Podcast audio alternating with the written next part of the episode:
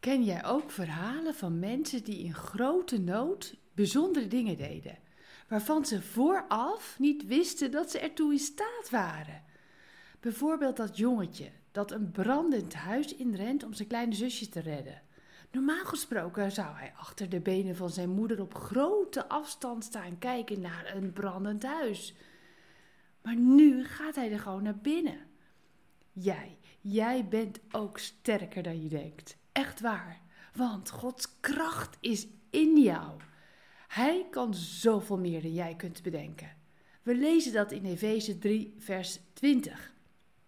God is in staat om eindeloos veel meer te doen dan we kunnen bidden of bedenken.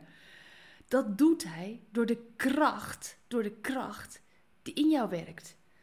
Daarom is alle eer voor Hem in de gemeente, dankzij Jezus Christus, voor altijd en eeuwig. Amen. Zo is het, staat er in de Bijbel. God werkt met kracht in jou. Hoor je het? Merk je dat? Als ik onze hoge drukspuit in het stopcontact plug, gaat de motor ronken. Dan weet je, hij doet het. Maar ja, er gebeurt, gebeurt niets. Nee. Ja, een paar druppels water vallen uit de opening.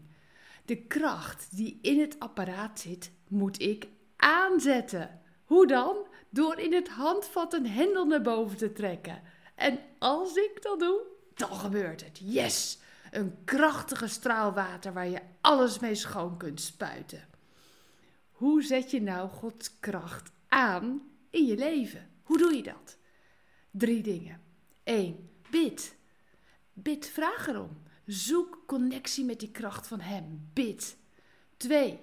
Heel belangrijk. Spreek met kracht zijn belofte uit over een situatie, het leven van de ander of over jezelf uit.